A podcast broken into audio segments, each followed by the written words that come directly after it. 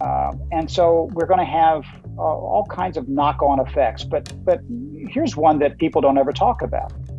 For every one degree centigrade increase in temperature, uh, the nutritional value of food goes down 10%. Um, similarly, with regard to uh, oxygen in the air, the amount of oxygen that's predicted to be uh, that's not less oxygen, it's more carbon dioxide. Um, the carbon dioxide levels, if they reach a thousand parts per million, I think that's the number. Um, some people believe if, that it will reduce the cognitive capacities of human beings uh, dramatically. I just think that at the end of the day, these are things that we should be planning for. We've talked a lot about Southeast Asia on Endgame. We've invited people on the show who care a lot about this region. We've had Tony Fernandez and Nazir Razak from the private sector, Yuen Yuen Ang and Don Emmerson from the academic sector, and Kishore Mahbubani, Bilahari Kausikan, and our own Marty Natalegawa from the public sector and policymaking side. And I thought what better way to complete this deep dive on ASEAN by chatting with one of my good friends, David Carden. Appointed by President Barack Obama in 2010, he was the first ever American ambassador to ASEAN and one of the critical figures overseeing Obama's pivot to Asia strategy.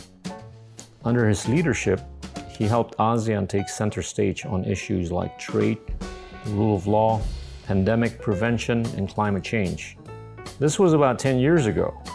He also hired the first ever science advisor to be posted in an American embassy and created the ASEAN US Science and Technology Fellows Program I'm excited to know what his retirement days look like, his thoughts nowadays about what's happening in the world, and whether he misses this neck of the woods. Enjoy this episode. Inilah Endgame. Halo teman-teman, hari ini kita kedatangan teman dekat saya, David Carden, eh, mantan duta besar Amerika Serikat untuk ASEAN. Hi, David. How are you? Uh, Salamat pagi, Gita. I'm fine, thank you. Thank you, thank you. Uh, good, good that you could make it onto our podcast. Uh, I, I wanna, I wanna ask you lots of questions today, but uh, first and foremost, I wanna ask you about how you grew up in Indiana, particularly in a town called Indianapolis, and how you just got so much more globalized, uh, you know, from that little town in the Midwest. Well, it was a little place. Uh, actually, it was Speedway, Indiana, which is even smaller than Indianapolis. And uh, it is true that very few people tend to leave it. Uh, I was fortunate in having had parents that had a vision of the world that did at one point in their lives go beyond it, primarily because of World War II. My father had fought in the war and he'd come back.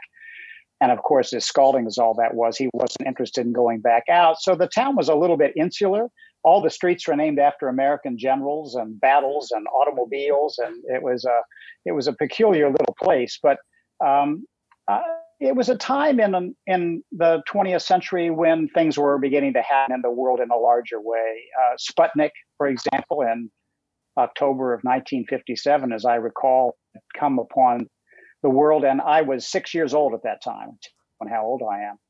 And I remember rather distinctly at that point uh, thinking that uh, looking out, that trying to understand what was going on was something that was going to be important to me. I'm not sure exactly how it manifested itself. I do remember one story, and you know, our memories sometimes are a little fragile when it comes to this. But it used to be in those days that people would come door to door selling books, and one of the books they would sell was the encyclopedia. And these were not encyclopedias like they are today; they were a little bit more simple and uh, an encyclopedia salesman came to the door one day and interested in that. And turns out that my, my father saw interest in it and, and he bought it and used to buy one volume a month. You, we couldn't afford the books uh, more than that. So we would buy one. So we bought letter A for one month then. And, uh, I be, and, and by the time the second month came around, I'd, I'd read most of letter A. And so my father accelerated the purchase of encyclopedias and come to find out over the course of the next year or so, you know, he'd gotten them all, and all I was doing was reading encyclopedia.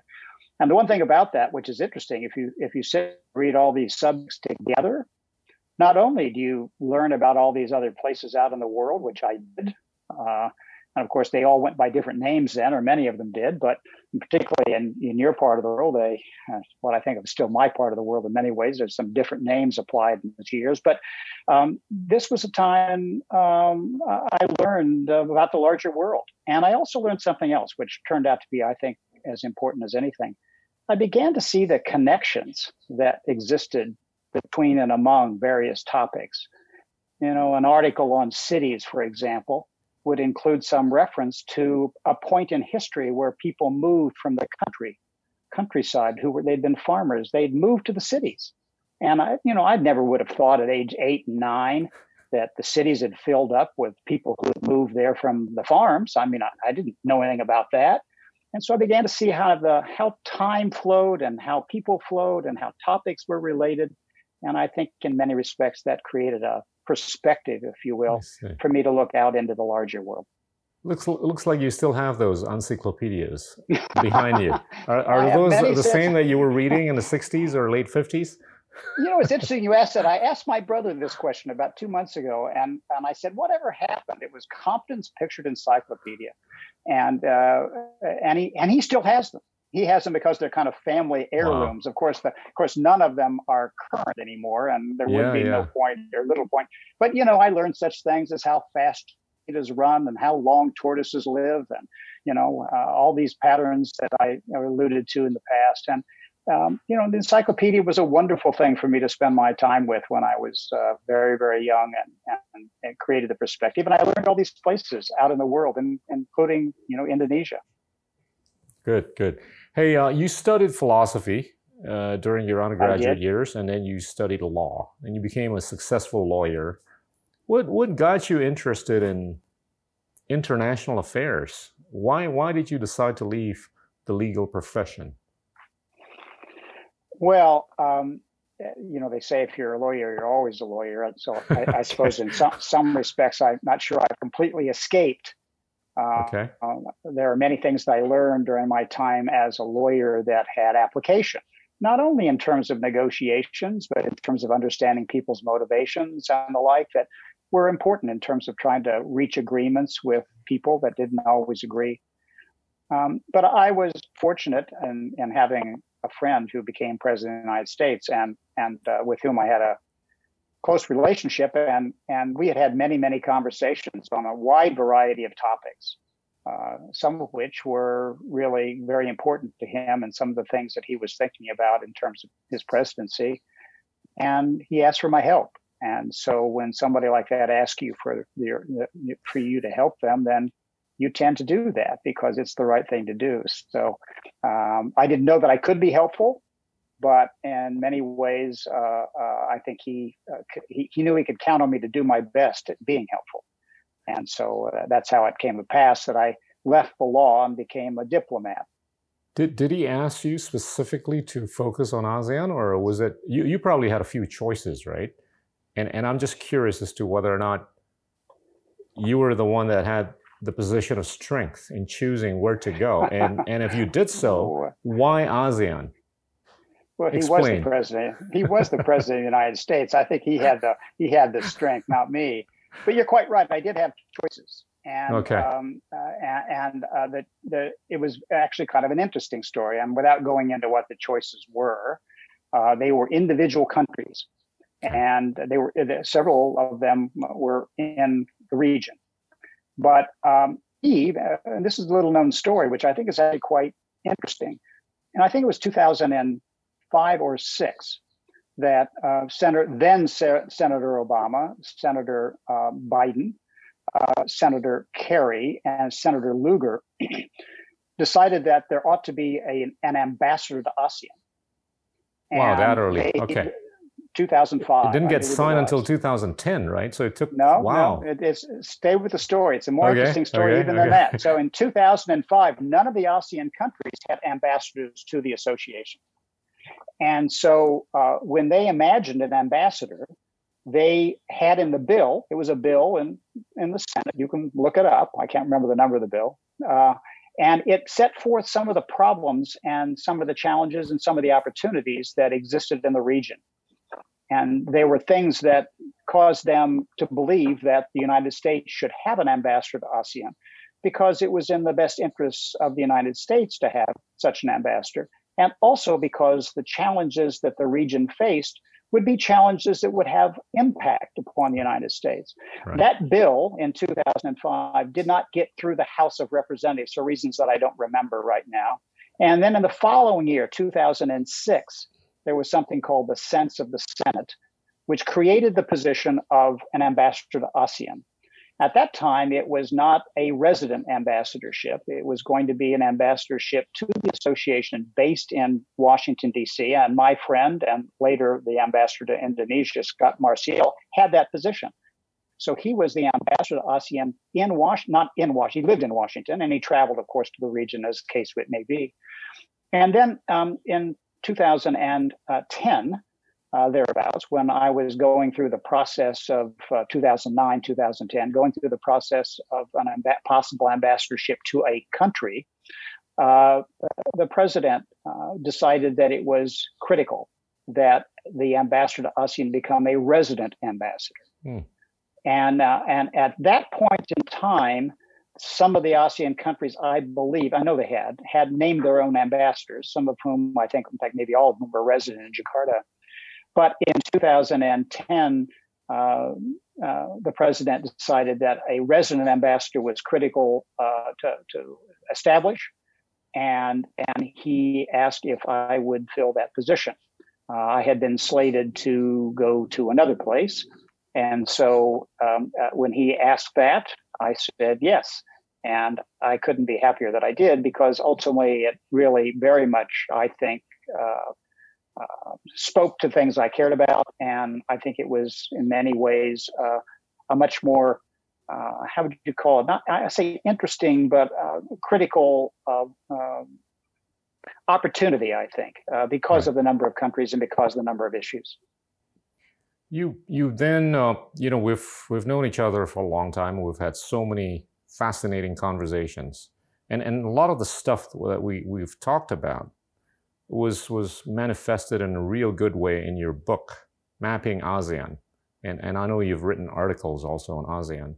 But it's it's interesting how you started the book with a description of your little pond outside your little place in Rhode Island, right? And and yes, and yes. nobody would have thought that you actually were trying to make a point about how we should care about you know the planet and and uh, let's let's dig into this, right? Uh, talk a little bit about your your your views on the distinction between nature and nurture, and and how you think we could be better humanity by taking care a little bit better of our planet.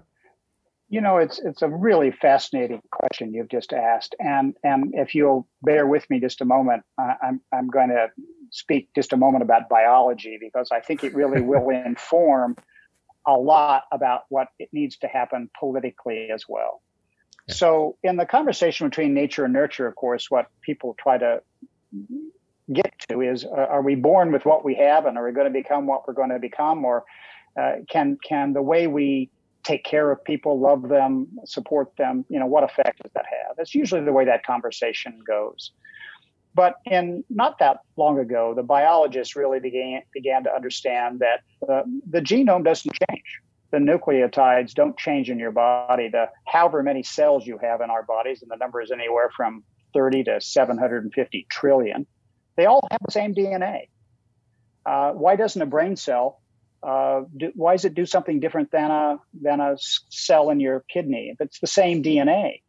And there are of course answers to that. And people people began to investigate why is it that identical twins for example don't always come out quite so identically the older they become?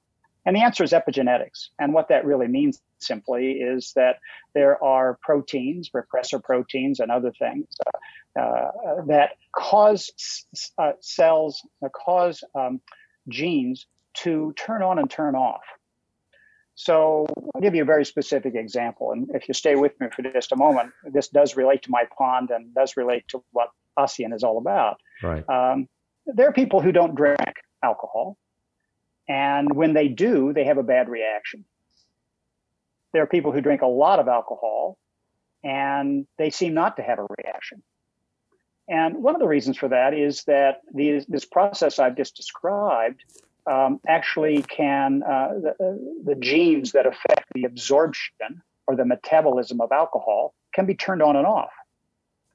And can and the more genes you turn on the faster you metabolize alcohol. That means you don't have the same effects. But right. if you don't ever drink alcohol then those genes don't ever get turned on and you don't metabolize alcohol. As a consequence it has a, a bigger effect. The, the, the turning on and off of genes in your body is is many respects uh, uh, identical to the kinds of things we reinforce and um, and neglect in society. So one of the things that affects genes and their uh, whether they turn on or off is stress, and stress can be in the nature of war.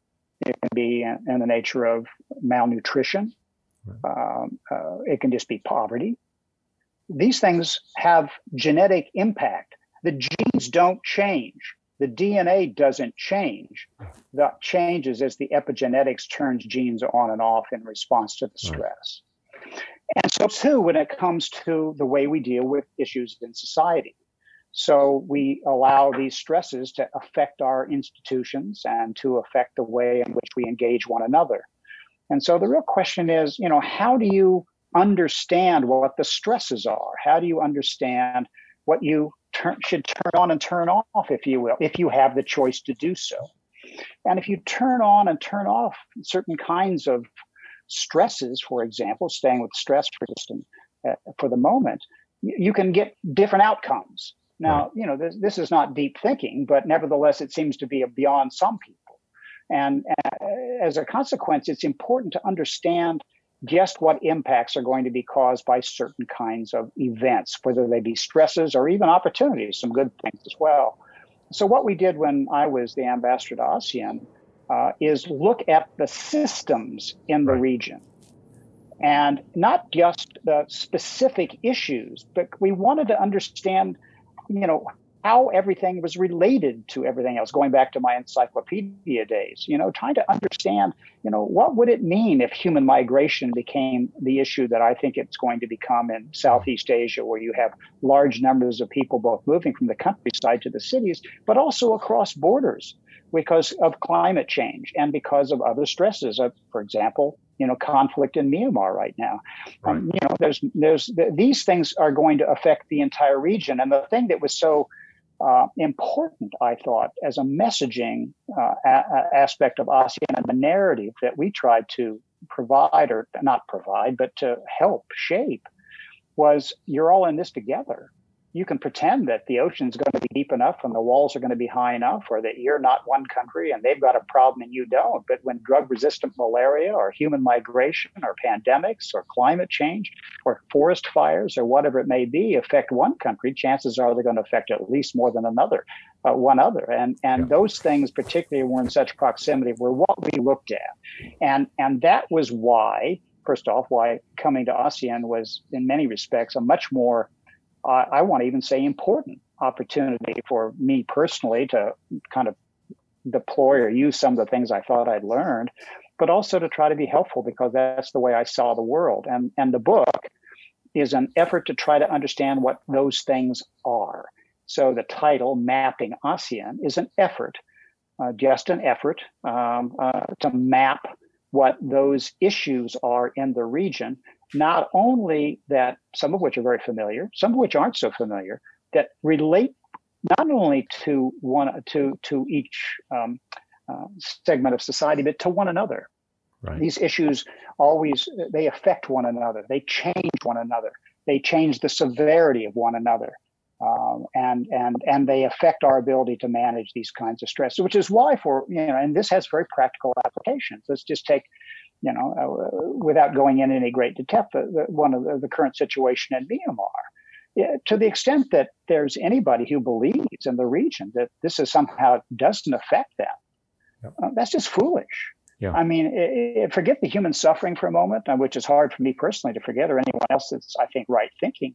But but the fact is that everybody is going to be affected by this situation, not just not just Thailand that's next door or, or Bangladesh, but everyone is going to be affected by this. So too water, so too the you know the water supply in the region, so too pandemic exposure, so too drug-resistant malaria, so too the recurrence of cholera, which will come with higher temperatures because it's autochthonous in the water column, so too all of these things. And so the solutions that we need have to be multilateral. It right. is foolish to think otherwise. David, it's it's it's a bit ironic if we take a look at ASEAN, Southeast Asia, in the last couple of thousand years, right? We've we've gone through enough episodes of stresses and traumas, right? But yet we've been able to stay peaceful and stable.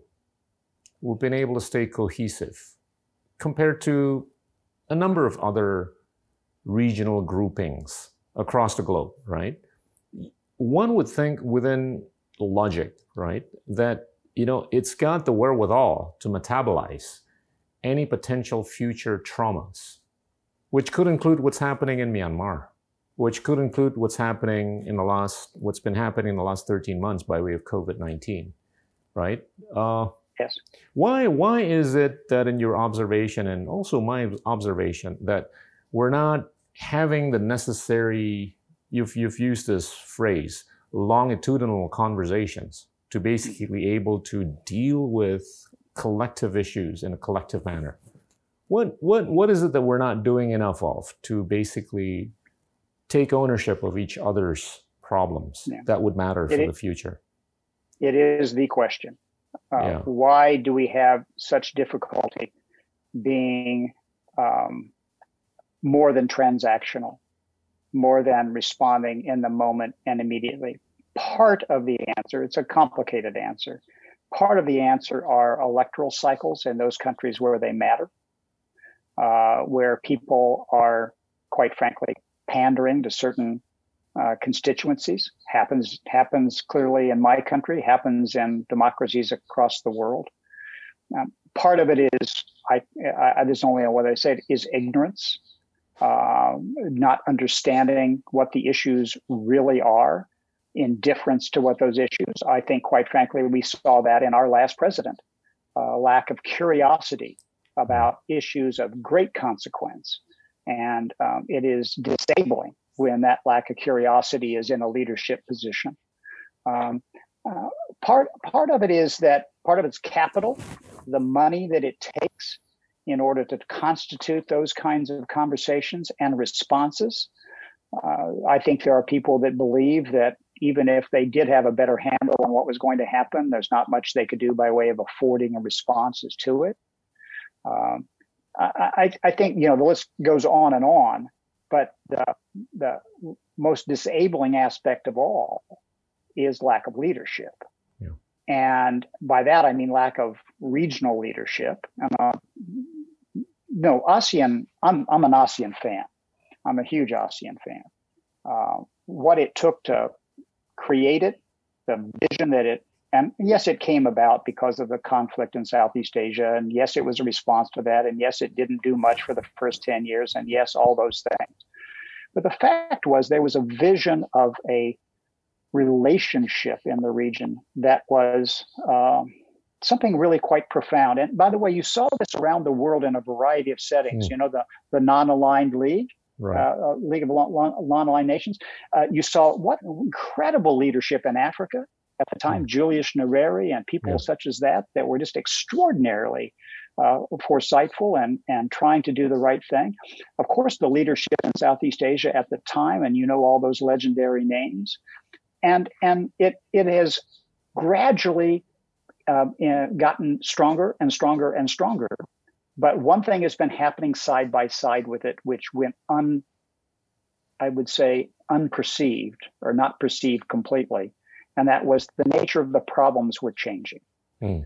and and the challenges that that has presented to the leadership makes it makes it uh, calls for a different kind of leadership you know, the, in the past, all that was necessary perhaps was the kinds of cooperation across borders that related to trade or related to, you know, keeping, you know, the, the peace, which was, of course, incredibly important. But now, I mean, what is what what is Indonesia going to do if drug-resistant malaria that's being that's emerging on the border of Thailand and Myanmar comes to Indonesia? I mean, I mean that's something you right now you'd say is that your problem? Well, uh, of course it's your problem. But right now, when's the last time you heard anybody in Southeast Asia mention drug resistant malaria on the border of Thailand and Myanmar? I'd be stunned if you've heard it. Yeah. And I, I, whether your audience has heard it, maybe one of the biggest, you know, health uh, uh, problems uh, on the planet right now. And it's being contained by some brave doctors. I don't know what COVID has done to that.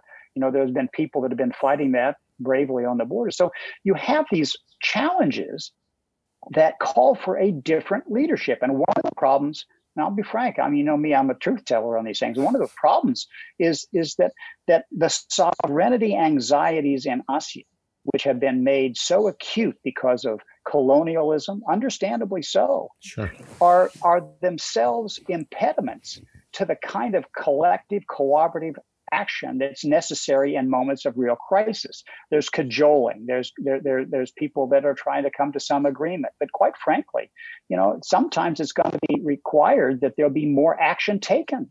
That just right. is critical that people act together to because it's your problem as much as it is anyone else's. And and you can't stand by and say, gee, would you please take care of this for us? Because right now it's in your country. And so that mm. kind of leadership is a new kind of leadership it is it requires an understanding of the multiple issues, their relationships to one another, the ability to build the allegiances and the and, and the coalitions required to address them. And it needs to figure out how to deal with those people or those countries from the outside that are impediments to that process, because there are countries on the outside that really do not want to see ASEAN sure. acting in that way.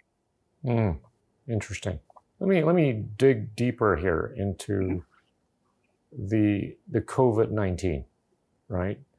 And what what do you what is your view in terms of how soon we're going to be facing a new variation that could be as deadly or even more deadly? I, I you know we can go back to the myth of this hundred year cycles, right?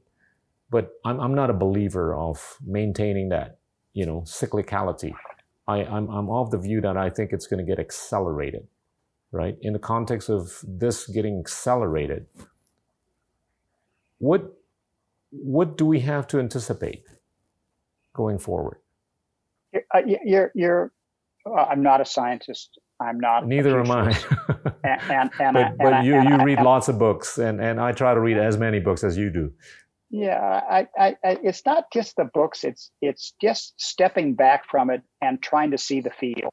Right. I don't know what the what in Bahasa that would be, but seeing the field means seeing the landscape ahead of you and seeing all the various issues. You're quite right about the cyclical issue because the fact is that the reason that these viruses are emerging right now is in many respects a function of things like deforestation and animal trafficking, which were not problems in 1917 and 18 when the when the Spanish flu uh, hit the world and killed many more people as a percentage than this flu has caused uh, not flu, this uh, pandemic and uh, COVID has caused. And so you have new conditions that are creating uh, new viruses to emerge. When when we were when we were in Southeast Asia and and the mission, we were looking at Nipah and Hendra, uh, which your audience probably hasn't even heard of, understandably so, and and uh, Ebola and Lassa as well, even though they weren't in the region and we were looking at them because the the the they were emerging from we thought anyway. And i had a science advisor as you know. I was the first us sure. ambassador in american history to have a science advisor. Everybody ought to every leader ought to have a science advisor who is a scientist on their shoulder. And and uh, uh, i was the only one i think i still am the only one that ever had one as an American diplomat. Uh, uh, but the, the, I, I, digress. The, the, the reason that um, we were concerned about it is that we thought it related to the deforestation and animal trafficking issues in the region, and and that related to law enforcement. It related to health health challenges that were emerging. Um, and, and the same patterns of criminal activity in the animal trafficking world were the identical avenues for arms shipments and for drug shipments and the like. So there was a relationship between animal trafficking and the criminality of that and and the like. And so the United States was actually funding the ASEAN Wildlife Enforcement Network at the time. And one of the things we were trying to do is get ASEAN to take over ownership of that process. It was only at that point uh, $50,000 per country. To basically, we thought it was critical they take ownership of that issue because of, of its relationship to all these issues, terrorism and the like. And so we were looking at these viruses and, and their the lethality, that is the, the, the rates of killing people, were un, they're off the charts. I mean, recollection is that both Nipah and Hendra are over 50% of the people that contract the virus wow. die. Wow. In contrast to COVID, which by my own calculation is some like one quarter of 1%, 50 plus percent. In case of Ebola and, and Lassa, I think it was 90%. Now we've gotten some some approaches to that to lower those numbers. So so right now in the world, there are thousands of well, the estimate is we've discovered one percent of the animal viruses that could cross over and affect human populations. One percent. Meanwhile, deforestation is happening all over Kalimantan. It's happening all over Africa. It's happening all over the Amazon. Uh, one of the reasons we were trying very hard, apart from climate change, but very hard to address that issue, not only in Southeast Asia, but trying to collaborate with people across the world, was because of the health consequences of deforestation. Not only oxygen content in the, in the air, which right. is hugely important, but and and of course methane release and and all the peat bogs and the like. So we were we were focused on that. So in going to your question, we have an environment that is extraordinarily conducive to the emergence of additional animal viruses, zoonotic diseases, zoono- zoonoses they're called, to cause zoonotic uh, diseases and, and, and things like the pandemic that we've just experienced. I, I know this is heresy to say this, but you know this could have been much worse. I mean, we have a virus here that's totally turned the world upside down. That, by the way, the, the, the uh, World Bank thought would the pandemic could cost the world economy six trillion dollars. I think it's even in my book. I quoted it before this yeah, happened. Before that, yeah. you know, my my book has pandemic uh, a pandemic chapter or ch- pandemic section, and and it talks about what it would cost to have created an early detection network, three to four billion dollars a year. That's all it would have cost across the world and and and the World Bank, I think, estimated that a tra- pandemic would cost the world economy seven trillion. Well, that's a drop in the bucket of what it's going to cost. At the time, I thought that number was silly, and that's with a virus that killed one quarter of one percent. Now, now, now, now, the question is: Are those conditions we described, deforestation, animal trafficking, my human migration, populations moving freely, and the like, you know, are, are we more exposed now? And the answer, of course, we are. It's not 1917, yeah. 1980. This is not a 100 year cycle kind of thing, in my view. The good news is, and it goes, it's gone mostly unobserved by many people, for, for um, Pfizer and Moderna mm. to have come up with a vaccine using the RNA messenger platform in less than a year is on, not only unprecedented, uh, uh, unthinkable in terms of how. Uh, and so are we, and they are working on a universal vaccine for all coronaviruses. Now that that's coronaviruses. That's not MIT's been working on a, a vaccine for all viruses going back as long as I can remember. Will someone come up with that? I think there's a chance they will. But if they don't, then you know it could be a real hard time for us. Well, as, as much as we can be optimistic about remedial uh, medicinal processes. I, I, think we've got to focus on the prevention, right? And, and, I think you've raised these issues. And let's let's go into the book. Uh, you've you've you've made a point, the point very clearly that yes, I think we we ought to we ought to talk about the South China Sea issues, but I think it's a lot more important to talk about some of the other issues. You know, the natural disaster preparedness, the pandemic preparedness, climate change and all that. I, I want to talk to you about climate change, right? Uh, you've, you've, you've said many times your views, expressed your views many times about climate change. What, tell us your views about climate change. Well, again, I'm not a scientist, uh, and I, I, I, you know, I, I, I read a lot. I, I, I thought about asking you some legal questions.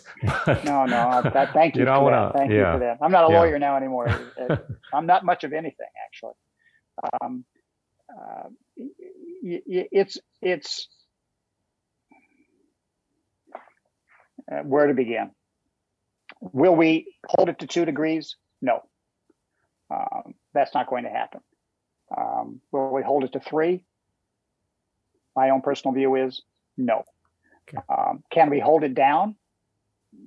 If we come up with carbon capture technologies, if we radically change human habits, uh, you know, m- maybe. I think we are in a modality, I'll call it, or a space where we have to anticipate that there'll be major portions of the planet that will be largely uninhabitable in the course of what will be your lifetime, although not mine. Clearly, my granddaughter's sure lifetime. Okay. Um, I, I think this will happen much faster than people recognize. And once it begins to happen, it will happen ever more rapidly for a variety of reasons. You know, uh, once the snow cap is and the glaciers are less in the north and they reflect less light and so the planet absorbs more that's has an effect has a name begins with a i don't remember it anymore and and so we we we have those i'll call them immediate consequential results of climate change and and people focus on them. You know, it's the inundation of the Red River Valley and the Mekong Delta. It's uh, the the water flow down the Mekong. Uh, you know, 75% of the water that comes down the Mekong in the winter months or the the, the, the low season is is from uh, you know the lake in Cambodia, uh, releasing the water that is held during the the rainy season, and that'll all stop, and the dams aren't going to help. Uh, and so we're going to have uh, all kinds of knock-on effects. But but here's one that people don't ever talk about. For every one degree centigrade increase in temperature, uh, the nutritional value of food goes down 10%. And I think it's 10, maybe 15%. So the broccoli that I eat, you don't eat broccoli, and I never found much broccoli, and found broccoli raw, but no broccoli in in, in Indonesia. But uh, the broccoli I eat uh, right now has 50% fewer nutrients than it had when I was a kid. Now, so we might have the quantities we need, but we don't have the nutritional value that we need to have. And of course, that has developmental consequences, right? Um, similarly, with regard to uh, oxygen in the air, the amount of oxygen that's predicted to be uh, that's not less oxygen, it's more carbon dioxide. Um, the carbon dioxide levels, if they reach a thousand parts per million, I think that's the number. Um, some people believe if, that it will reduce the cognitive capacities of human beings uh, dramatically. I've seen some figures or some references to that we'll all be walking around as fourth graders. Um, you know, I, I, once knew somebody that was a Himalayan uh, uh, guide, uh, and and he always he told me he used to do Everest all the time. He said, you know, you have to make your plan out ahead of time because once you're on the mountain, there's so little oxygen you can't think. And if you deviate from the plan, you're you're in real trouble. Right. So these are people think these are catastrophic or you know hair on fire or uh, strange weird worries but they thought that about the pandemic 10 years ago too and I, I, just think that at the end of the day these are things that we should be planning for um, there's a man named Camilo Mora who mm. is at, was at the University of uh, Hawaii. I never met him, and I haven't looked closely recently at his research, but he was talking about something he called climate departure. And whether he's right or wrong in terms of his conclusions with regard to it, he's right in terms of basically where it's going. Climate departure provides the following. Let's just assume, let's take New York, let's take it out of your region. Let's assume that you add up all the high temperatures in New York for a year what's the average? 62 degrees, we'll call it Fahrenheit. Right. Uh, I can't translate that right away into centigrade. Um, what's the average low temperature? Call it 43. About a 20 degree gap. It's it's tighter in the tropics, right? High and lows. What Morris says is that at a certain point in time, the average low temperature today, or for a period of 1995 through 2005, the average low temperature in New York will exceed the average high temperature. So the average low temperature in New York will be 65. Now, hmm. now he says that climate departure is going to happen. He said the first place it was going to happen was on Kalimantan, Ouch. and I think it was. I think yeah, I think it was in Pontiac. Yeah. But but of course they're Pontianak, the, they, yeah. Pontianak. They're, they're the they're the spread between high and lows quite tight, right? It's not not that great. The average might be four or five degrees difference. And I don't know whether or not he was right about it. We could find out. But he said that climate departure will come to Jakarta in 2029 and um, uh, you know be in Singapore about the same time. So we're not talking about time periods that go out that far. Now it may not be that big a difference in Jakarta because you're it's already hot all the time, yeah. and it may be just a little bit hotter. But boy, you start talking about the average low temperature in New York being 65, not not not 43. You don't have winter anymore. You don't have it changes the water flows. It changes the the Gulf Stream. It, it changes food sources. It changes nutritional value. It, it just begins to have all kinds of impacts. And it's very hard to be optimistic about those things yeah. um, at this juncture. And, and there are many, many, many more. I mean, I'm going back to my encyclopedia days now, where you just begin to see that a lot of these things that you didn't expect were connected are, in fact, very connected. Yeah. And that's one reason why you need the leadership to to address them and need a plan. I, I, I want to push on this. The uh, I'm trying to insert or infuse some optimism into the conversation. Right? I'm very optimistic, by the way. I, based, we'll come to that later. based based on what I'm seeing in terms of you know how people have come up with technological innovations on on solar capabilities, right? It it seems to have gotten a lot more efficient and effective, and and a lot of people don't know that you know we get solar energy amounting to about 8,000 times the amount that we use on a day to day basis. It's just such a big waste to the extent that we can come up with a tool that can absorb and store in a much more efficient manner. We're probably not going to be affecting the climate as adversely as we might have been in the last 50 years. Number one. Number two, the other source of optimism could be big countries that are actually propagating the views and the values that it's good to be much more environmentally friendly, right? Let's take China and the US and Germany. Could those be pioneers of technological innovations and technological usage, but also in a big conversational manner so that the Gen Z members can start talking about climate change in a much bigger way than whatever we might be seeing them conversing nowadays. Yeah. You know, I, I, I meant it when I said I'm optimistic, and I am optimistic yeah. because of young people. And you know, you've talked to me many times about that. And as I've told you and told you here just recently, that my book is dedicated to the young people of the region because they are the hope. And and so um, nothing I'm saying is anything more than to set the table for the hard work they have ahead of them. Right. Uh, I don't remember seeing a solar cell on top of a house in rural Indonesia, uh, what heating water for people. Um, uh, I, when I was in the Caribbean, there is now, by the way. There okay, is. Okay, good. Yeah. Good. Okay. I just I, I just came back from one village. Yeah.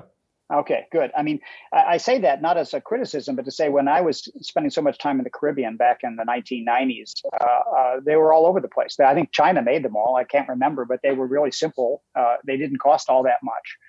Um, uh, you know, same thing with uh, electric motorcycles. I tried to meet with Elon Musk back in 2010 to talk to him about building an electric motorcycle for Southeast Asia because I wanted to deal with the pollution issue and, and the like. And I was unsuccessful at the time. He was doing other things. Um, but the, the, there are um, all kinds of issues if we can position the conversation properly where the parties you've just mentioned could be enormously uh, powerful and impactful and important. But they need to see that they have a, a, a stake in the broader global game, right. you know? And, and part of the problem is, and it goes back to the South China Sea issue, uh, you know, are we really fighting over hydrocarbons in the South China Sea in the night in the 2021 at this point?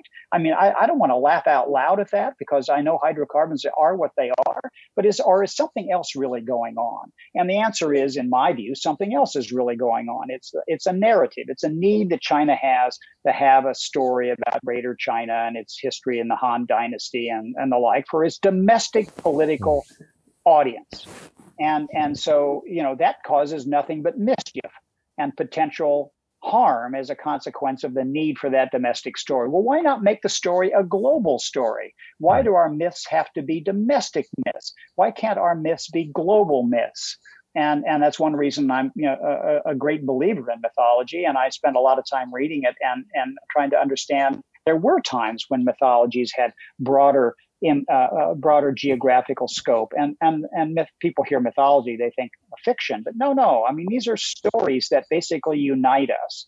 And so we can get people to act together if we can think of narratives that are in fact international narratives. And it seems that even the crisis of climate change and the crisis of COVID and the crisis of human migration, which is one of the biggest challenges yet to come, I will say, none of those things have created an international mythology yet. But the young people who travel the world and who don't have the same kind of historic antipathies for one another are not as deeply invested in some of the nonsense that's existed in the past, the lies and the nonsense and the di- desire for just power for its own sake. Those people are the only hope we have.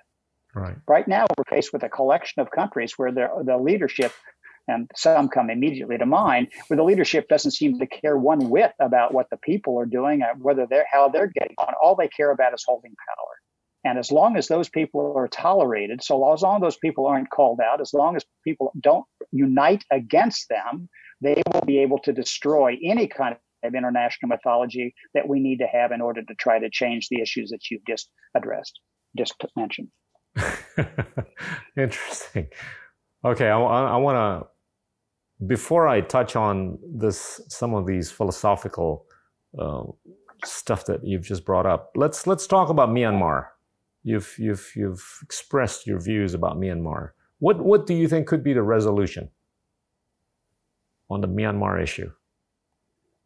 Well, um, I have some ideas on that subject that I'm, I'm going, I'm, I'm fermenting at the moment. But let me let me say this much about it. Yeah. Um, I do not agree with some of my dear friends in the region that think that uh, um, that think it has to be a, a, a left to its own accord for a while. Quiet diplomacy, uh, quiet diplomacy is fine, but you know the the the fact is that there's a there's a real politic approach to this that there's just not anything that can be done at the time. It's just going to have to wait it out. And going back to the mythology conversation, I've, I, I had this. I, I, I sometimes say this to my son-in-law. I've said it to my son in the past. Sometimes it isn't about what you it's not a question of anything more than the kind of person you want to be. And, and, and doing what you do because of the kind of person you want to be. You may not like the result. It may not end up being where you want something may not end up going where you want it to go, but who do you want to be? Right. We've got to care more. We've got to care more about who we want to be. And I know some, I can hear some of my friends in the region saying, well, you know, that's just not realistic and that's naive. And like, and, and yes, I understand that it won't accomplish maybe some of the things that, that I might hope that it would. But at the end of the day, it, it's, it's how, it's how we've moved forward. It really is how we've moved forward. Every time we've made a move as a, as a world or as a people, it's because there has been some modest movement in that direction. Now we're losing a lot of ground we're losing some really significant ground that we had picked up in the past. In some places in the region, we've lost a lot of ground really fast, and it's tragic. Uh, I just don't think that you can not try to address it and pressure it as much as you can. I have some ideas how to do that, but I can't, you know, I'm not a diplomat anymore, so I'm going to hold them for myself. Uh, I'll push um, it a little bit more. But, but, well, what, what, what words? Okay, go ahead. Go ahead. What words of wisdom do you think could be said or should be said to the military junta or junta to bring about peace? You know, sometimes, some, sometimes I was asked uh, uh, the following question, and often I was asked actually the question about ASEAN when I was in the region or in my position. I was asked whether I was optimistic about the region and ASEAN uh, accomplishing some of the things we talked about. And I always had, you know, I had different responses, but there's one thing I almost always said: give me a time frame. Give me a time frame. Um, so often we lose sight that that progress sometimes has a, a longer time frame attached to it than we might like. Now, this seems inconsistent with what I was just saying about realpolitik. It's not meant to be, and it isn't, I don't think. So it's critical that we understand that time frames matter. So, one thing I would clearly say to anyone concerned with regard to this if you think the time frame is one year, two years, three years, four years, you are wrong. The time frame is ultimately what you are doing now. This is kind of the opposite of the time frame of the solution. It's the time frame of the problem you're creating for the future. So for every every year you let something happen, how many years of pain and sorrow and setback are you going to experience? Are you prepared at the end of the day for the benefit of one year to, to, to create something that's going to be unmanageable in 10? You know, and and that's something that I think is a lens people rarely apply to problems such as this. See, I, I think a lot of that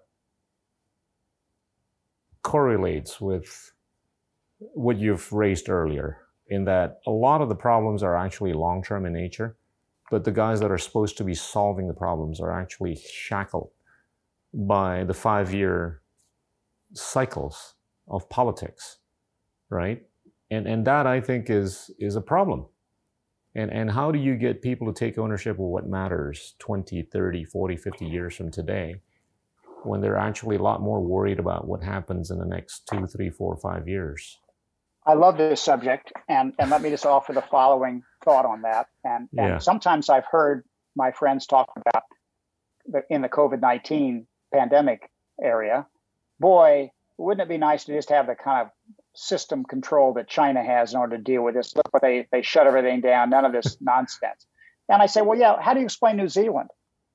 Yeah. You know, and and and so it, it isn't the form of the government that necessarily causes the disable and uh, Taiwan. The, the, and Taiwan, and, yeah. and, I could go on. By the way, I mean and they're led by women too. Uh, yes, exactly. So I mean, the problem is correlations versus causation. We got to be careful as to what really was possible. I mean, they are an island; they were able to manage things. They're not. Right. They don't have open borders. Uh, uh there are all kinds of other issues here, but it is a very, very questionable conclusion to draw.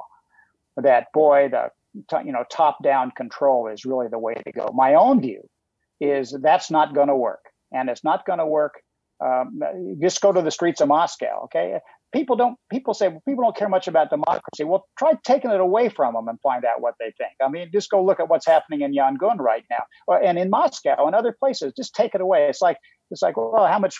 How, you don't need much water. Well, just take it away and see how you feel about it. So, I think at the end of the day, that tells us something about what kind of approach we need to take. We right. have to empower people we have to make them part of not only the solution to be part of the solution they've got to be part of the of the society they have to have the same benefits that ultimately come to some of the rest of us and this goes back to the meritocracy issues right i agree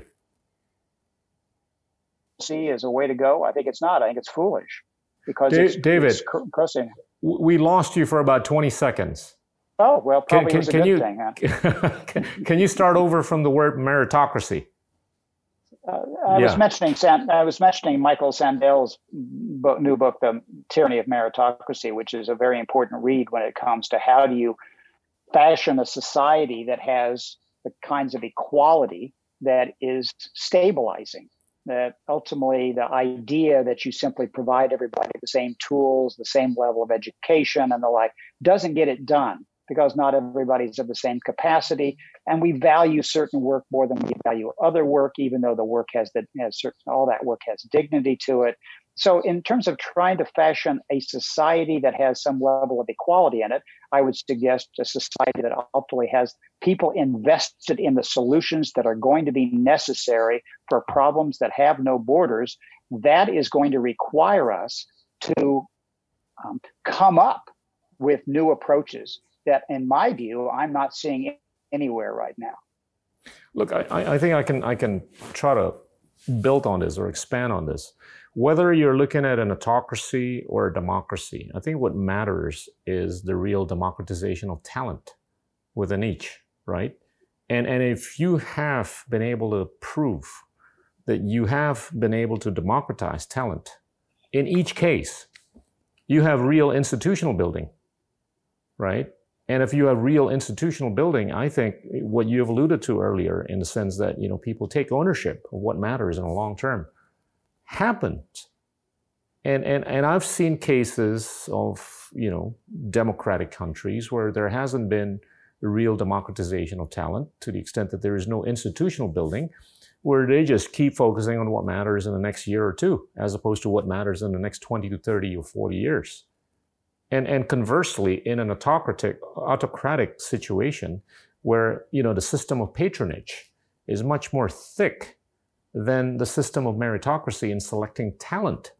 That also dilutes the value proposition, right? In, in handling anything, be it the COVID 19 or anything that matters in the long term.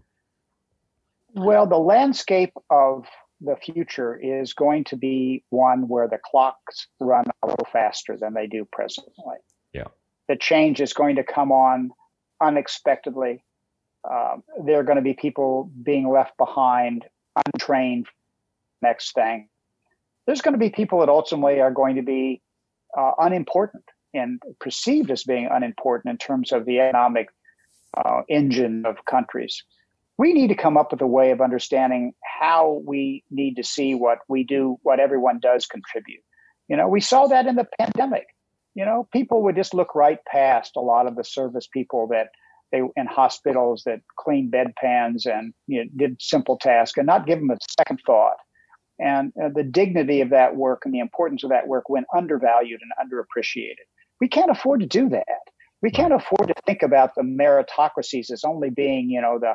I mean, I would suggest to you they've contributed a whole lot more to society in the last year, if not before, than hedge fund managers did and and at the end of the day, we we make them heroes and uh, with the hedge fund managers, and we give them all kinds of value and per, and perks. I mean, and even give them tax benefits in this country. So, I mean, I think we need to answer those kinds of questions, and we're not doing a very good job of even posing the questions, let alone answering. I agree. I agree. All right. It's a huge issue for Indonesia. Huge issue for Indonesia because you, you yeah. you've got a really substantial rural population looking for some sort of motion from movement out of those spaces and like what's going to happen and and and that's going to be one of the biggest issues in my view in Indonesia. See, we've we've talked about this, uh, not just about Indonesia, but if you, if you take a look at the overall landscape, the fiscal landscape of Southeast Asia, right? We're we're all running at a tax ratio of between 10 to 15 percent, right? We can identify the problems that matter in the long run but it's going to cost us, right? And how the hell are we going to be able to fund the solutions, right? So without nipping it in the bud in getting our tax ratios to the necessary level so that we can have enough fiscal fi- space, it's just going to get even worse. You know, our ability to deal with the long term issues of Southeast Asia, much less Indonesia. So uh, you know, I I, I think conversationally, I think we got to get people excited about, hey, what do we have to do in getting our tax ratios up from the current what 10 or 11 percent? And and the pandemic hasn't really helped. It has actually diluted our tax ratio because of people's less ability to pay taxes. And and I don't think it's a matter of increasing tax rates, but I think it's a lot more about getting more and more people to pay taxes and companies to pay taxes. I, I know this is a topic that you're passionate about too. yeah, well, yeah, yeah, yeah. I started my book with this issue. I started yeah. my book with cap- capital, Uh, and and I, many many times I, I still give talks and and the like. I, I say you know it's fine to say you want to solve these problems even if you can identify them, but you don't have any money. And I, I remember having a conversation with one of your former finance ministers, uh, a wonderful guy, and he was in this country. And uh, I can't remember, we were on the same event. And I said, you know, you've got to do something. Your, your tax collection's 11%. And he was amazed that I knew what it was. He said, Why do you know what that is? And I said, Because it's hugely important to the work that I was doing in Southeast Asia. He said, Why? You are the US ambassador to ASEAN. And I said, Well, at the end of the day, we can't do anything with regard to the kind of coalitions and the like we, we need to build for all these trans-border challenges if at the end of the day you don't have any capital, you don't have any money. And so that's led led led me into an exploration of tax havens. And uh, um, you know, I did a recent article in the the Guardian on, on FP rather, uh, foreign policy on on tax havens. The numbers in tax havens are heartbreaking in terms of the money that's being secreted away by individuals and not taxed. Even the taxes on the money in tax havens right now would equally estimate a half a trillion dollars a year. And and not all that's in, in Europe. I mean, there's a lot of it in Southeast Asia, as you well know. And so uh, I, I think we need to do something about that. But it's not, there's two pieces of it. One, it's the taxes being avoided by um, individuals and by uh, corporations. Um, but the, the, the, there is a lot of, I'll call it legal tax avoidance. You know, that it's ultimately a question of what the laws are. I mean, uh, Southeast Asia doesn't have extradition treaties for tax fraud folks. You, you, don't have any ability to see into the bank accounts of people that have basically taken money they should have paid taxes on. I mean, uh, at the end of the day, you can't begin to address your challenges unless you deal with corruption, Uh, unless you deal with the, ta- the, use of tax havens and tax avoidance, not only by people in Southeast Asia, but also by multinationals that use transfer pricing and other things to avoid taxes. And, and that, that, that's going to take a lot of courage. And of course, everybody says, well, let us go elsewhere and that's you know that's a conundrum it's a it's a it's a hard nut to crack but there's i don't know 70 80 tax havens around the world and some of them have changed switzerland's gotten different you know luxembourg has gotten different uh, so too have some others there are some that, that are still you know uh, basically 19th century uh, uh, you know hole in the walls where people just don't have to they can go hide their money I, I think it's going to take a while for us to oh, will. It will. increase it will. our tax ratio from the current 10 to 11 percent to you know 20 percent much less the oecd levels of 33 percent and and until such time we're we're just going to be limited in resources in terms of our ability to deal with the medium term and long term issues. And, and I think what hurts a little bit more is that the, the, the pandemic has actually caused a deceleration of economic growth, right? And, and anytime when your economic growth rate decelerates, it, it actually makes it more difficult to redistribute welfare to the people at the bottom of the pyramid. And this is, this is a much worse, you know, reverse Robin Hood type of scenario where, where the poor are struggling actually more now to rise up to the occasion so that that that makes inequality even more punctuated, and and as a result of you know the Gini coefficient ratio is going up, it it just further polarizes conversations. You know, you and I had a conversation once about protein wafers for school kids in right, Indonesia, right. and um, you know, I I was concerned then, and I am concerned now about the absence of protein in a lot of diets in young kids in, in Indonesia, um, which causes developmental issues. And what I suggested at the time, which is is is a stand-in for taxation, is develop partners with your investors. You know, uh, and I think I used at the time a specific American beverage and food company that ultimately is looking for ways to build and expand its markets and I said, why aren't you working with them to make a protein wafer? They've got they've got charitable dollars to give away. You can build coalitions with your uh, American and Chinese and European companies that are trying to do business in in Indonesia because it's such a large market and say we need your help. You know, would you let, let's all of us let's operate a factory that's making going to make a protein wafer for school kids in Southeast Asia and in Indonesia. Now, it may not be feasible economically. I obviously haven't done a business plan on this, but that if you can't collect the taxes in order to build that plant, then you sure can, it seems to me, look for your partners that are trying to use your markets to build that plant and give them, you know, give them some percentage of whatever the give them the free electricity or whatever they need to do it. I mean, so I, I and it can be a long-term program, and maybe at the end it starts small. But I, I don't. Instead, we get charitable dollars, you know, corporate social responsibility dollars getting spent to, you know, in the craziest of ways, in my view. You know, like the Korean ferry disaster. You know, I mean, it's just it's the it's it's public relations stuff. Well, give them the public relations story just announce that the major car manufacturers in the world that want to sell cars in Indonesia are have bound have, have, have banded together to make a protein wafer for school kids in Indonesia. You know, maybe it costs fifty million dollars a year. Right. Okay, you know, I mean, I, I just I think there there are ways while you try to work on the tax challenge to try to come up with other forms of contributions and revenue that might actually move the needle a little bit on some things in a yeah. targeted way. Yeah. Look, um, we've you know we've talked about a lot of stuff here, but uh, as of late, I've I've been discussing with some some people about how the democratization of the pipes of information has not really led to the democratization of ideas. And, and truly, globally speaking, regionally speaking, we're lacking idea leadership.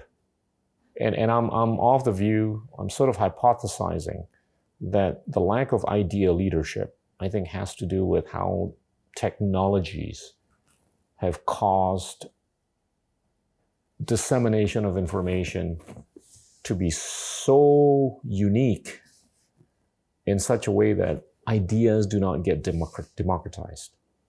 So, so, so we have seen the creation of these two echo chambers, right? People going to the far left and to the far right.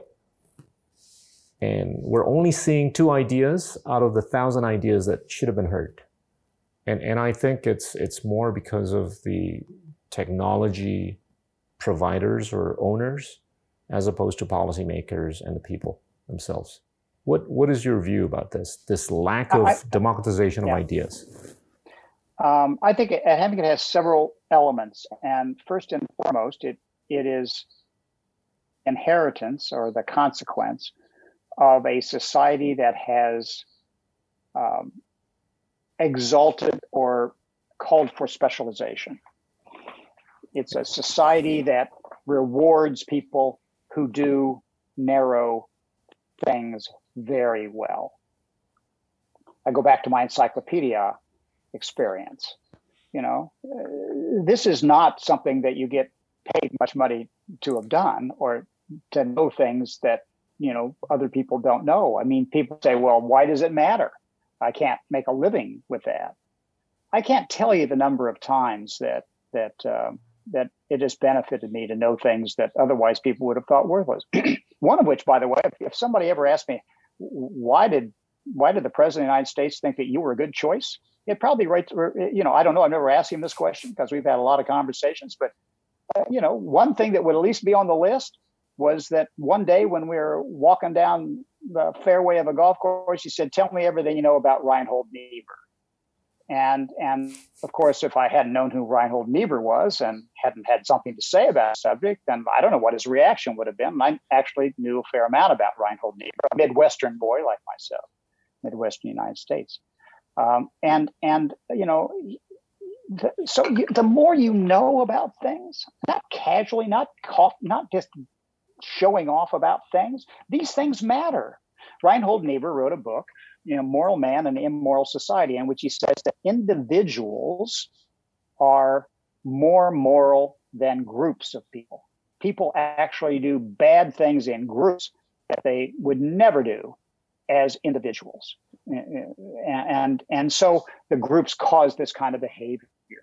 This goes to your question, right? right. If you have people that have very narrow experiences and learning, and they get banded together in a chat room or in Fox News or wherever it may be.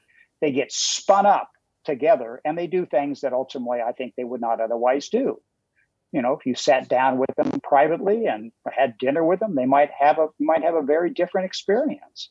And so we've we've gotten away from the kind of uh, um, longitudinal approach to knowledge and what matters and understanding things. That has contributed to the problem you've just suggested. And then we have these pipelines that that basically use that narrowness. That people that that we call it sometimes simply single issue people, right? You've heard that phrase. These are just single issue people. Well, nobody ought to be a single issue person. If you understood enough about the world, it's it's it's very um, regrettable to be a single. Issue. There's too many issues that ultimately matter, and yet that gets reinforced in the ways that you've described. But I think it goes back before the pipelines. It goes back to the society having rewarded and, compensated people for no for for narrow approaches to things. And then of course there's fear, the most the greatest animator of all the the thing that that is the thing that's hardest to overcome. And we have a world in which people are being left behind, and people are being harmed, and people are frightful or fearful, and and that also narrows their perspective.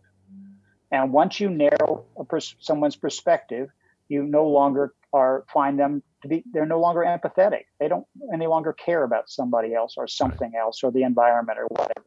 And, and, and so perspective really matters a lot. And and so all of these things go back to what we as a society are prepared to reward, which actually goes to the issue of meritocracy that I mentioned right. in Sandel's book. Why why should we why should we not value you know certain kinds of work and think that it isn't deserving of being compensated i mean w- what's that come from we'll pay a nurse 70 25000 dollars us and we pay a hedge fund manager 25 million. What's wrong with this picture? In, in an era in an era where people prefer to look at tiktok instagram or whatever it's there you know in 280 characters you know, there's there's more and more people wanting to use those media as opposed to reading the Foreign Affairs magazine, right?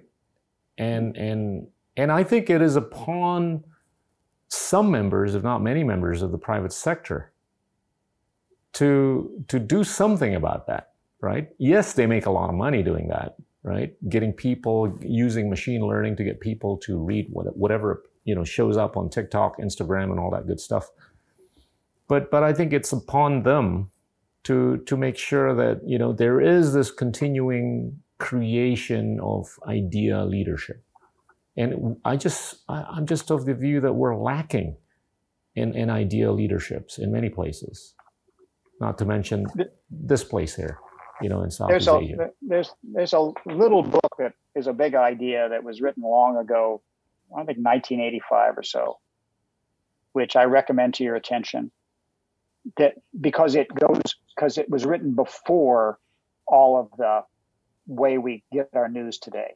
It was written in 1985. The name of the book is Amusing Ourselves to Death. And what the book really covers is how we've moved away from content to just entertainment.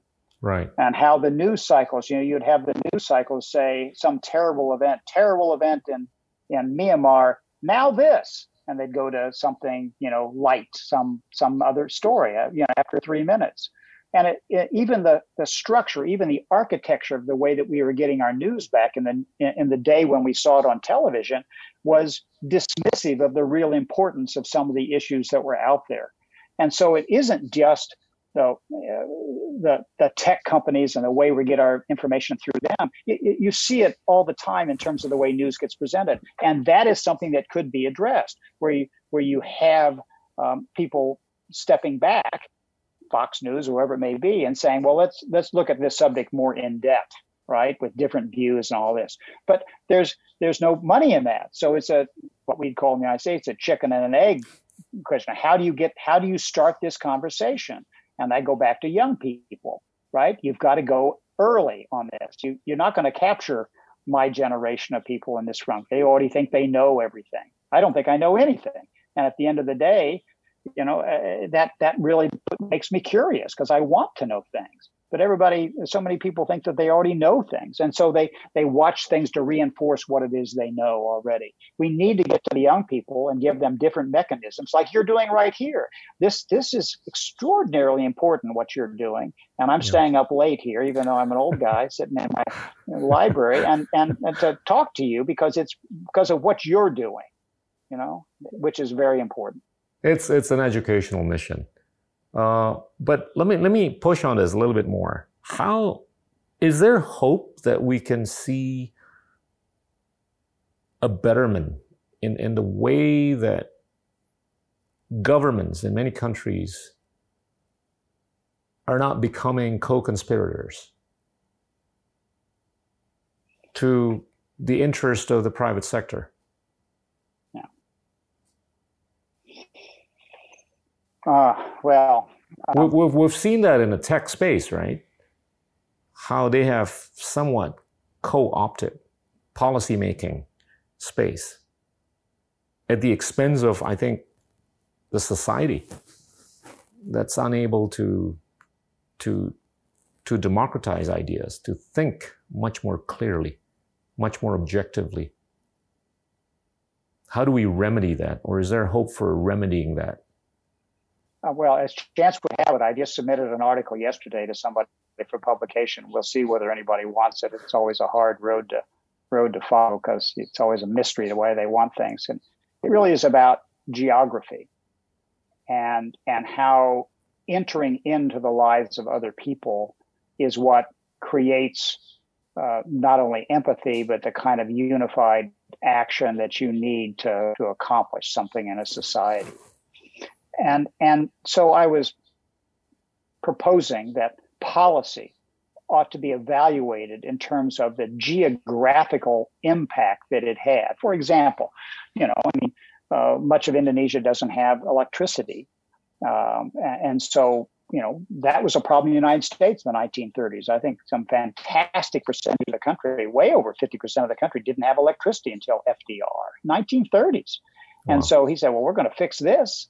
And that's a that's a geographic that's a policy that has a geographic impact.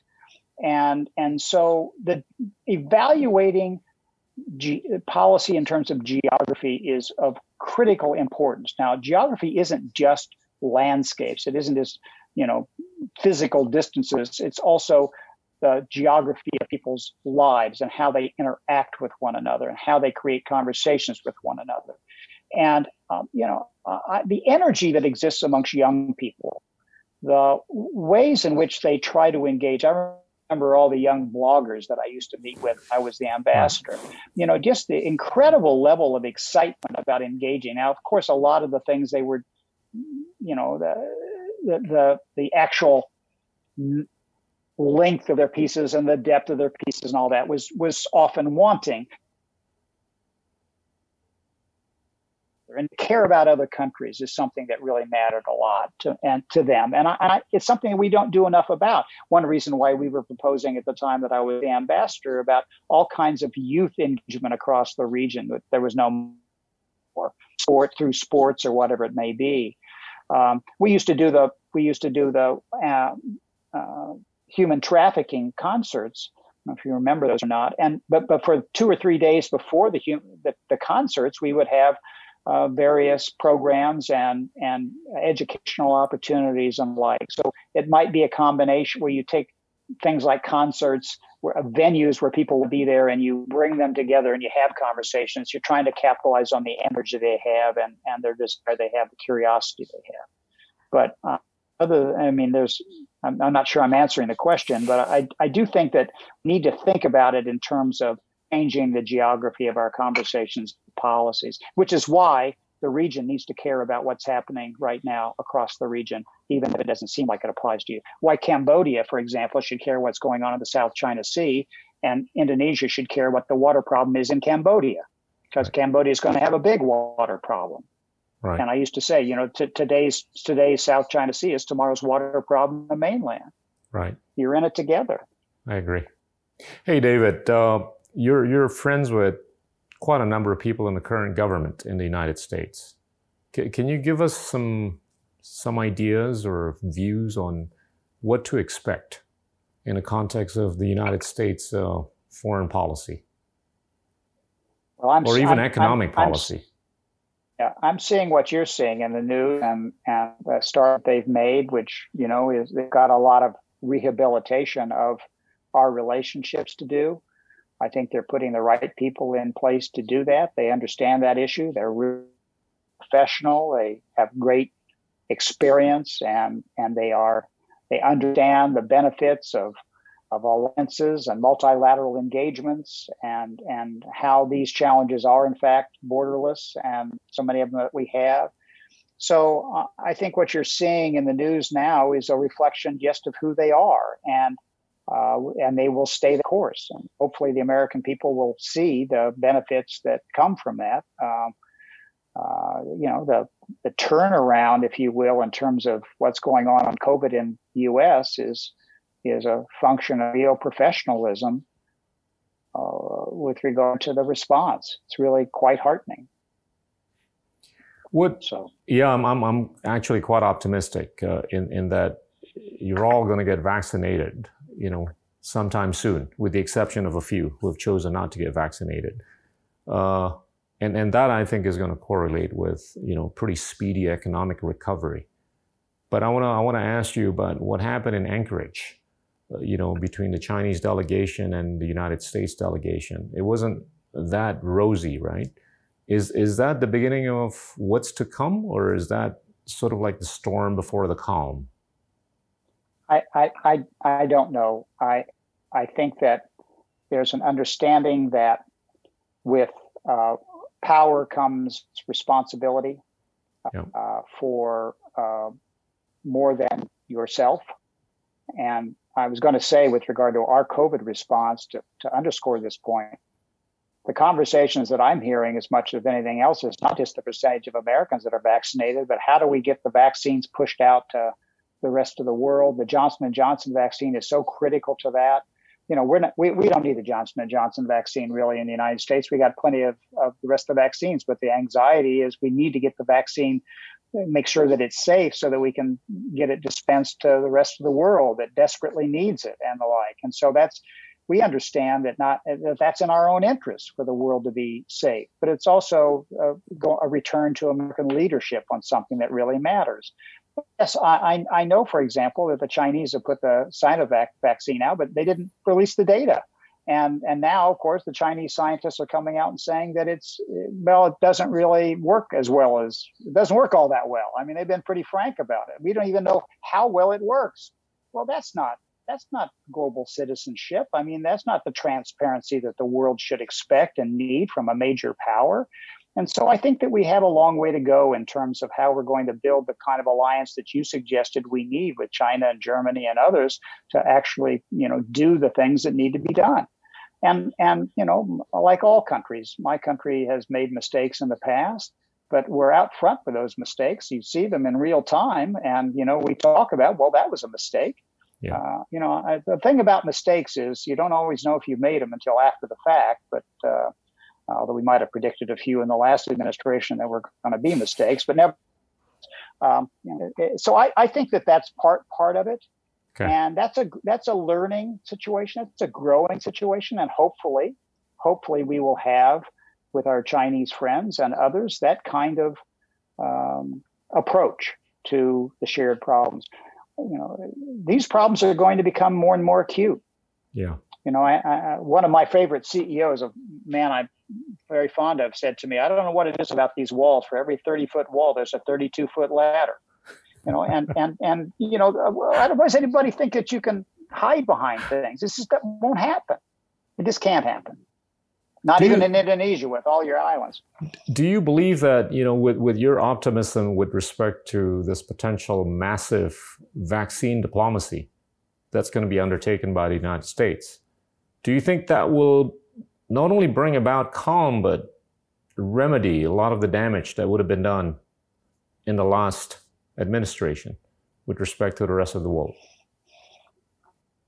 Well, um, we can but hope. But let me say that problems don't stop coming. And, you know, it's yeah. not a static situation. So, you know, who would have we would have had some of the challenges that have emerged just in the last month or two. So these are going to keep coming at us. Uh, the challenge on the southern border in the United States, uh, the climate change impacts in Central America, and what that does to population that have problems growing the food that they need.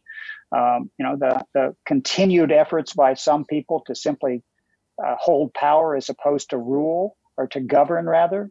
You know, I mean, some Goethe said something once. You know, uh, divide and conquer, a good motto. Uh, unite and lead, a better one you know, where are those people that are uniting and leading right now?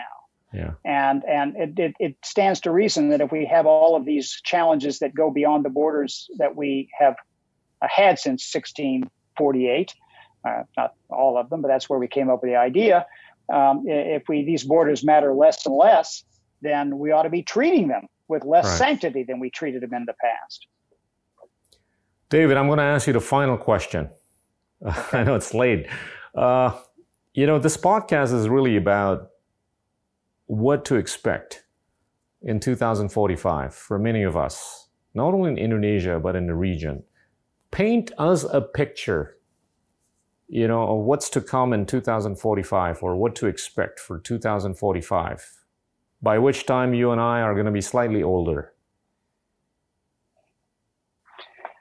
Well, like I just said, uh, there's going to be all kinds of things that are going to happen that we hadn't anticipated. Um, no matter how prescient or foresightful or smart we think we are, we're going to be surprised. And it's hard to know what those surprises are going to be. Um, uh, like I said, I'm not a futurist. I would say this I think that the tensions that are going to exist in society are going to increase. I think that without much doubt there will not be any technological breakthroughs of sufficient size and scale and and across the globe that will minimize conflict. And so for that reason, we need to become better at how to manage it than we presently are. Our tools for managing conflict have been allowed to atrophy. Uh, in the past, in the 20th century, we used warfare more often than not to manage those conflicts, and we saw the horrific results. Happily, there's not been anything of that magnitude since 1945, but uh, there have been, of course, increasing number of smaller conflicts. But the conflicts are going to be not just armed conflicts, They're going to be conflicts in society. There are going to be tensions between those that have and those do, that do not. Those that have that want to keep what they have. Those that want to defend what they have. And and and we need to improve our ways of of uh, uh, uh, managing those conflicts. Uh, that's one reason why I have now, in my retirement as a from a diplomat, become a mediator and I think of mediation as being an incredibly important element to what needs to happen. And and I believe that there will be increasing use of mediation going forward. I mean, right. I'm part of an organization that has 130 or 40 mediators, 74 countries around the world that we've trained. And uh, I need one from Indonesia. I'm to somebody there, any young person that's a, lawyer or a judge, although you don't have there's been one there's been one person in the whole history of our program that hasn't been a lawyer or a judge and, and he was police chief in pakistan. But uh, police chiefs could apply too because they're going to be on the front lines of these kinds of mediation I, I do believe that whatever happens we're going to be faced with um, increasing tensions caused by climate change, caused by human migration, caused by the separations in society, the in- inequality, and the like. And we're going to have to manage that. There's no reason to believe that anything that's going to happen between now and then is going to make that less. I don't think. Uh, it doesn't mean things are going to go terribly. It just means we're going to have to have new tools to manage them.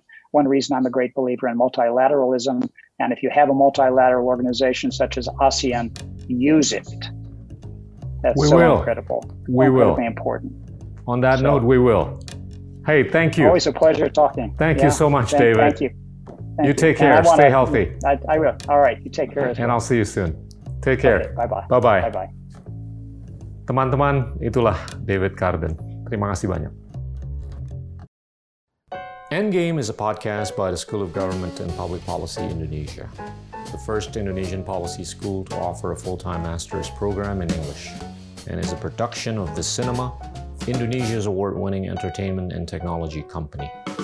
Oni Jamhari and Angga Dwi Sasongko are our executive producers.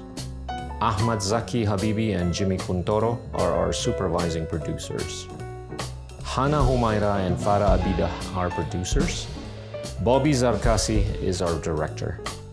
Aditya Dema Pratama is our director of photography. Video editing by Felicia Wiradian. Alvin Pradana Susanto is our sound engineer. Ratri Pratiwi and Fiera Rahmawati are research assistants. Aulia Septiadi and Ferdizal Oktama are our graphic designers. Transcriptions and translations by Isfi Afiani. The song you're hearing is by Niall Juliarso, Ferdinand Chandra, and Philippus Cahyadi, mixed and produced by Gibran Wiryawan. The production of this episode adheres closely to the local authorities' health and safety protocols.